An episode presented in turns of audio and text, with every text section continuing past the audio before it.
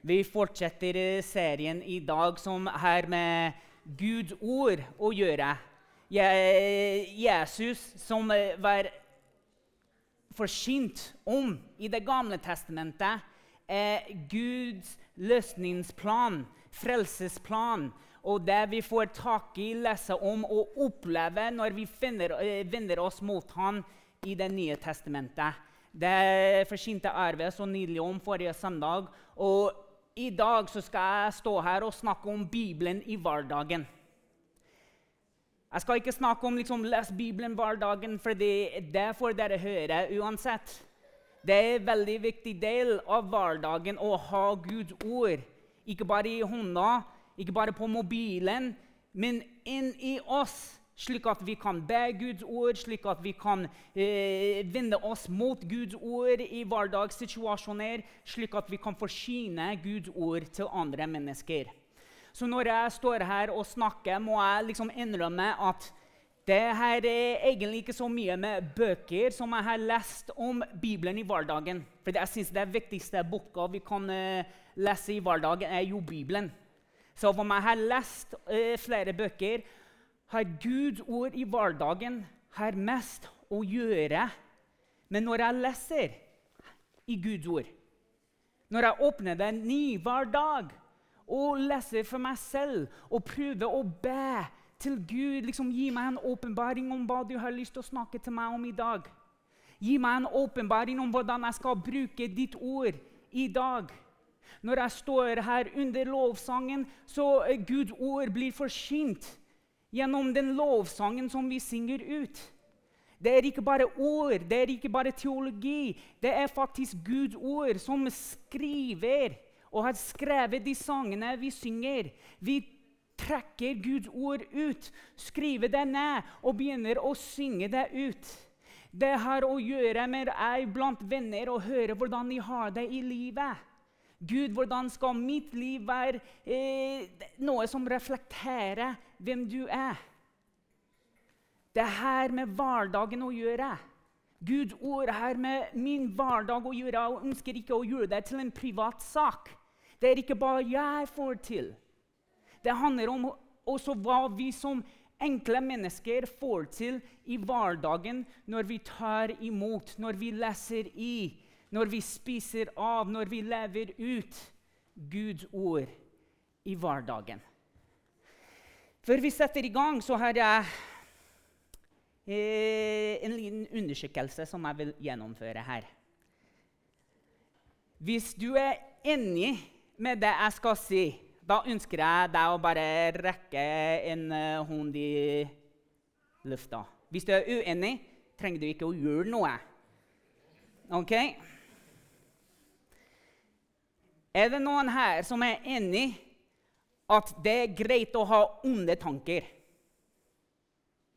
At du skal ha onde tanker mot andre mennesker, eller mot deg selv, eller mot Gud. Onde tanker i det hele tatt. Er det noen her som er enig? Bare rekk opp hånda. Nei. Er det noen her som syns det er greit at folk blir drept? Absolutt ikke. Drap er ikke noe bra. Er det noen her som syns det er gøy at folk stjeler ting fra dem? Absolutt ikke. Er det greit at det er tyveri i verden? Noen som syns det er greit? Nei. Egoisme, er det noe som er bra? Nei. Selviskhet, noe som er bra? Absolutt ikke. Noe som syns det er greit med utroskap? Nei. Absolutt ikke det kan jeg si at gratulerer alle som sitter her og ikke rakk opp et eneste hånd den, under den undersøkelsen. Vi er 100% enige med at det er ikke noe bra. Og vet du hvor alle har lært, hvor alle har fått at sånne ting er ikke bra? Guds ord. Så uansett om du tror på Jesus, uansett om du tenker Guds ord er relevant eller ikke for uh, livet ditt Guds ord har allerede fått sin plass og sin autoritet i din hverdag. Uansett hvor du er på reisen din mot Jesus. Guds ord er relevant, det har autoritet, og det har fått sin plass i livet ditt allerede. Så hvis du sitter her i dag og du har ikke tenkt eh, på det på en slik måte Kanskje du bare trenger en liten dit fremover for å virkelig begynne å tro på Jesus, eller oppdage at han er sannheten, veien og livet for deg. Jesus han diskuterte med fariseerne fordi de har, de har, sett at hans disipler i Markos 7 har ikke vasket hendene for de skulle spise. og Da begynte de å tenke nei, det her er helt feil. Det som vi spiser med, maten vi spiser, det må være helt rent før vi eh, får tak i det, før vi spiser det, og da er alt greit. Men Jesus han irettesetter dem. Han sier, 'Vet du hva?' Det som er viktig, er ikke hva du gjør før du spiser, eller hva du spiser. Det som er viktig, er det som kommer ut. Og det med ondskap, onde tanker, drapssaker, utroskap, selvviskhet, egoisme Alt det der, det er det som ligger inni oss. Det er det som kommer ut av oss. Og hvis vi skal endre på det, hvis vi skal kjempe mot alle de tankene, alle de handlinger, alle det oppførsel hva trenger vi i livet vårt? Vi trenger Guds ord. Vi trenger å vite hva Han sier om hvem vi er. Vi trenger å tilhøre noe som er større enn oss og våre egne tanker. Våre egne handlinger. Vi trenger åndens krav som kan påvirke alt vi holder på med i hverdagen. Men for at det kan skje, så må denne boka, her, som er så viktig, få sin plass og sin autoritet i det daglige livet og våre daglige rutiner. Jeg har et par bilder som skal bekrefte for oss at vi er allerede vant i vår hverdagen, hverdag til å ha autoritet. At vi må underordne oss autoritet hver eneste dag. Vi har systemer, politi, som må holde vakt over hele landet. egentlig. Vi har eh, dommeren, vi har advokat. Vi har forskjellige systemer som er på plass, som vi må underordne oss. Folk som har fått autoritet i sine områder, som skal snakke rett og slett sannheten om det som skal skje i samfunnet vårt, og hvordan det skal gjennomføres, slik at alle hans rettferdige. Når vi går på skolen, fra når vi er barnehagealderen opp til vi er ferdig utdannet, til og med når vi drar på jobben, vi må underordne oss autoriteter. Og det er ikke bare mennesker, men det er læringsmateriellet som vi leser i bøker og sånne ting som blir undervist.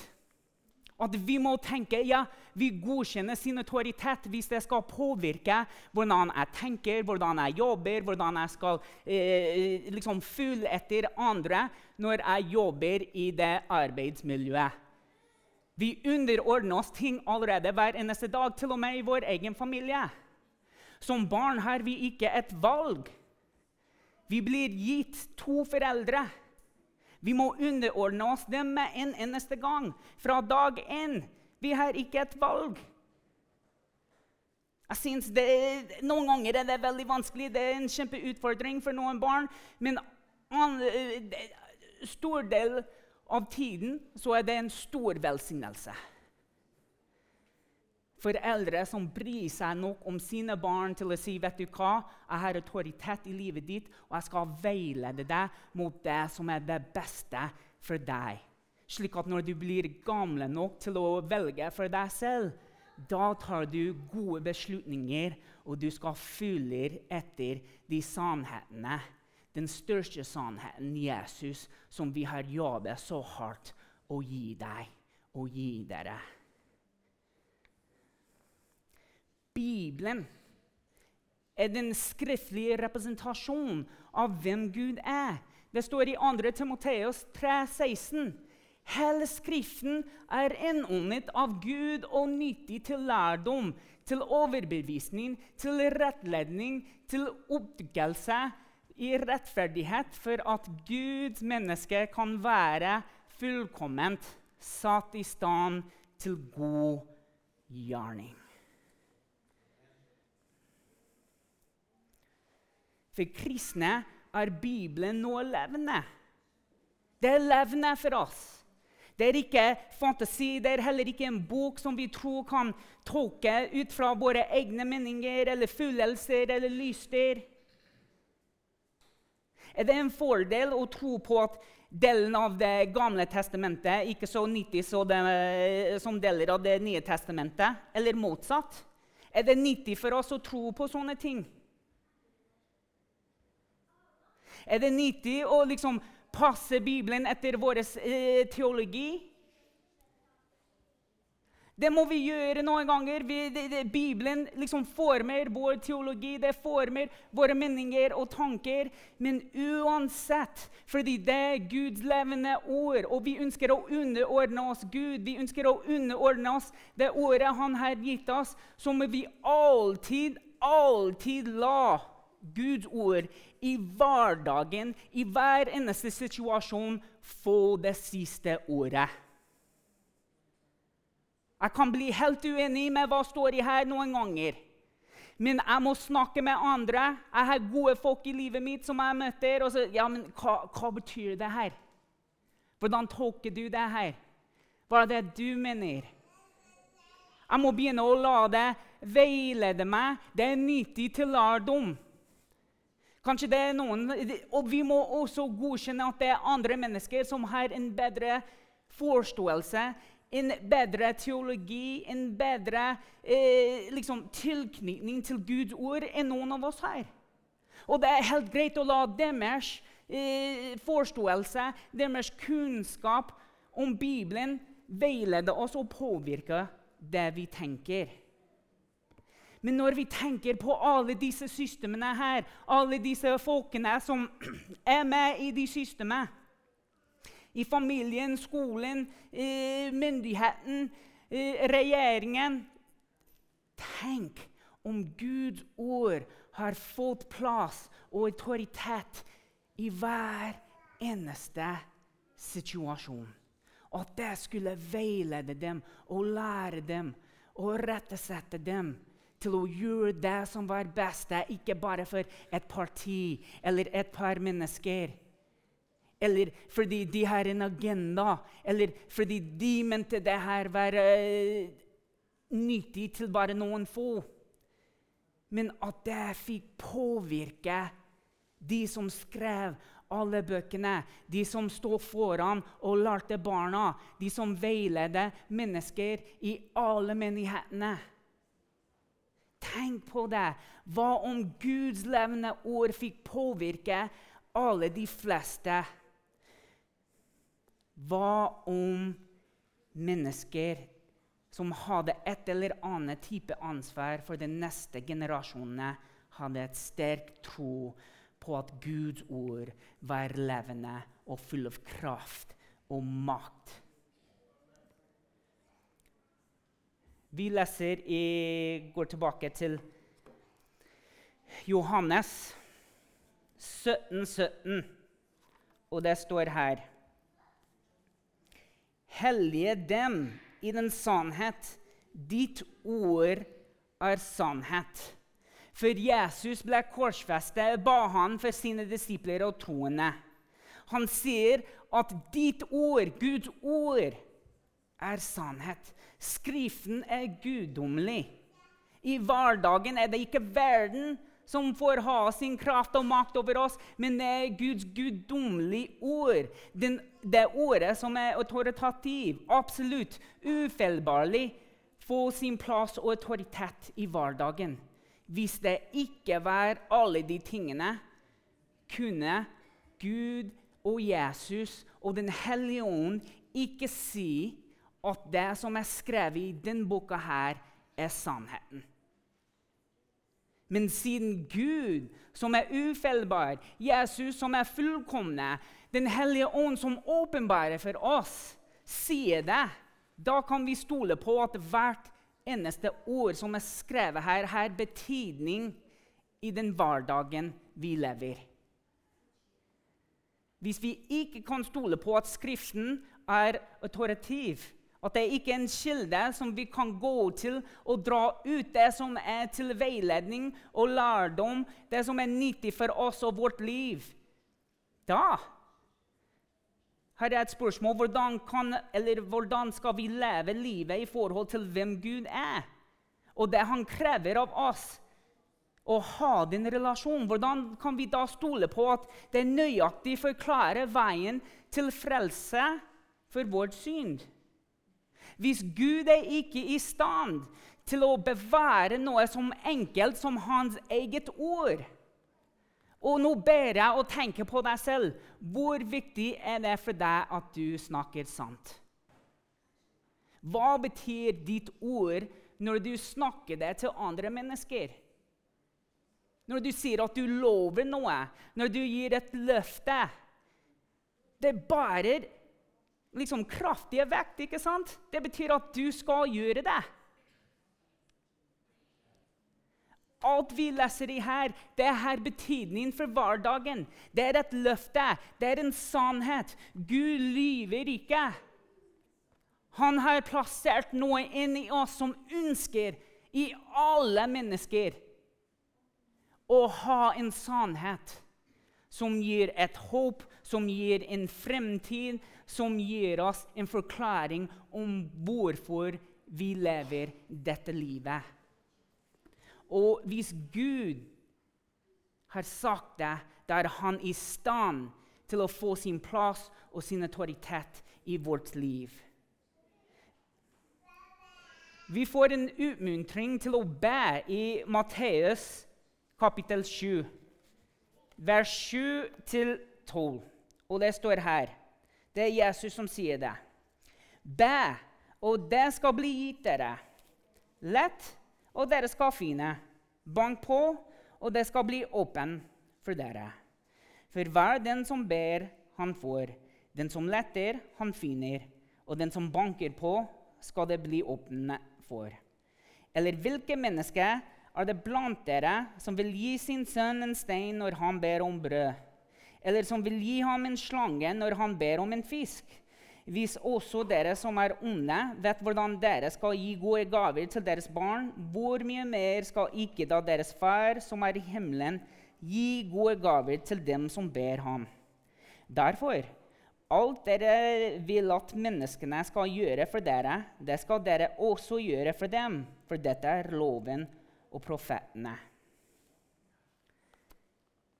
Vi bruker like mye, om ikke mer tid, i bønn om at vi og våre barn og generasjonene som kommer etter oss, vil la Guds ord få autoritet i livet deres.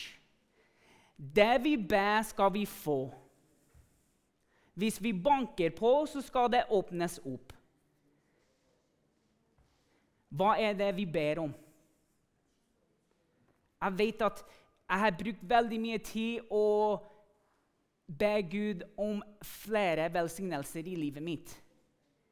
Men det eldre jeg blir, har jeg lært å takke Gud for velsignelsene han har allerede gitt meg. Jeg har bedt veldig ofte at jeg skal få gjøre store ting i dette livet. Men kanskje en av de største tingene jeg skal gjøre, er å be at Gud skal hjelpe meg til å lære den neste generasjonen å stole på Guds ord. At den har autoritet i hverdagen. At den er til nytte. At de kan lese opp i Guds ord og finne sannheten om hvorfor Gud har skapt dem. En hensikt for hvorfor de lever dette livet. Bibelen er der for eh, å høre, høre, om hvem Jesus er, og lese alt som har med Gud å gjøre. Gud åpenbærer sin evige kraft og guddommelighet i skaperverket når vi leser i Romerne 1,20. For hans usynlige vesen, Både hans evige kraft og hans guddommelighet har vært synlig for verdens skapelse av. Det kjennes av hans gjerninger for at de skal være uten unnskyldning. Og det her snakker om hans moralske lov i vår samvittighet. I Romerne 2, 14 og 15. For nå er det hedninger som ikke har loven. Av naturen gjør det loven byr. Det er disse som ikke har loven, seg selv en lov. De viser at den gjerning loven krever, er skrevet i deres hjerter. Om det vitner også deres samvittighet og deres tanker, som innbyrdes anklager dem eller også forsvarer dem. Men denne kunnskapen frelser oss ikke fra syndens straff. Det bare åpenbare for oss at Guds ord er ekte. lovende og noe vi kan stole på. Og det åpenbarer for oss at vi trenger en frelser. Den, ja, uten autoritet til Guds ord å stole på ville vi ikke ha noe håp. Vi ville gått helt fortapt. Men i Guds nåde og barmhjertighet, som vi faktisk kan oppleve hver eneste dag Ikke minst at vi bor i et fritt land som gir oss tilgang til å lese Bibelen hver eneste dag. Men av Hans nåde og barmhjertighet at vi skal kjenne Jesus Kristus, den usynlige Guds bilde. Og ved tro på ham kan vi få liv i hans navn. Og Det leser vi her i Johannes 2031. Men disse er skrevet for at dere skal tro at Jesus er Messias, Guds sønn, og for at dere ved troen skal ha liv i hans navn. Som Arve sa, vi leser veldig mye om eh, Messias og bilder og illustrasjoner som pekte mot Jesus. Og her får vi eh, Johannes igjen, som snakker til jødene om at Messias han er Guds sønn, og at dere skal ved tro ha liv i hans navn. Det er noe som vi trekker inn med oss i hver eneste dag. Jesus, Guds sønn, han som er allmektig, han som har ved Ånden gitt oss kraften til å ha en åpenbaring av hvem han er ved å lese ordet, og ha en åpenbaring at Gud ønsker å leve ute i verden gjennom hver og en av oss og våre handlinger. De som stoler på og underordner seg Skriftens autoritet, hengir seg imidlertid til den. Det er ikke liksom at jeg leser den her, og så setter jeg den her borte og tenk, tenker ikke mer på det resten av dagen. Selv om jeg ønsket å gå bort fra Gud, selv om jeg ønsket å ikke tro på Jesus lenger, selv om jeg ønsket ikke å gjøre det som Ånden har gitt meg kraft til, kan jeg ikke gjøre det. Fordi som David skrev, uansett hvor Gud finner meg Han finner meg. Han har sett en sannhet og et dypt behov i meg til å gjøre hans navn kjent. Til å leve etter hans vilje, til å bruke de gavene han har gitt meg, til å hjelpe andre mennesker, vokse opp i Guds rike og se at Guds rike er nær. Hans levende ord forvandler mennesker til etterfølger som i Jesu navn gir dem ønsket å adlyde Gud og kraft til å gjøre det som er til behag for ham. Dette arbeidet ville skje bortsett fra å skje på Guds ord som en autoritet for å overgi livet til ham. Alle som tviler på Skriftens autoritet, vil aldri overgi seg til den. De vil bli som Pilates som står foran Jesus og sa, 'Hva er sannhet?'